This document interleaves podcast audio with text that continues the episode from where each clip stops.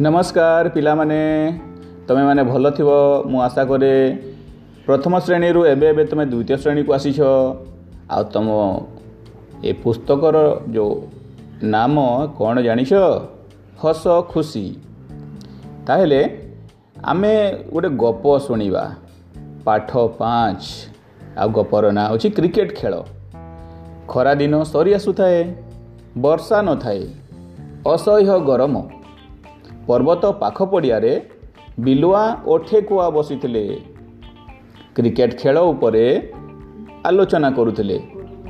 ବିଲୁଆ କହିଲା ଠେକୁଆ ଭାଇ ଆମେ କ୍ରିକେଟ ଖେଳ ଖେଳିବା ନାହିଁ ଠେକୁଆ ତା କଥାରେ ହଁ ଭରିଲା।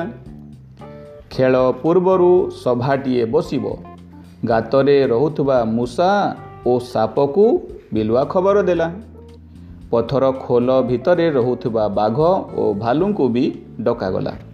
ଗଛ କୋରଡ଼ରେ ରହୁଥିବା ଶାଗୁଣା ପେଚା କାଟହଣା ଆଦି ପଶୁପକ୍ଷୀଙ୍କୁ ମାଙ୍କଡ଼ ଖବର ଦେଲା। ପାଣିରେ ଥିବା ଜୀବ ବେଙ୍ଗ କଇଁଚ ମଗର ଚିଙ୍ଗୁଡ଼ିଙ୍କୁ କଙ୍କଡ଼ା ଖବର ଦେଲା।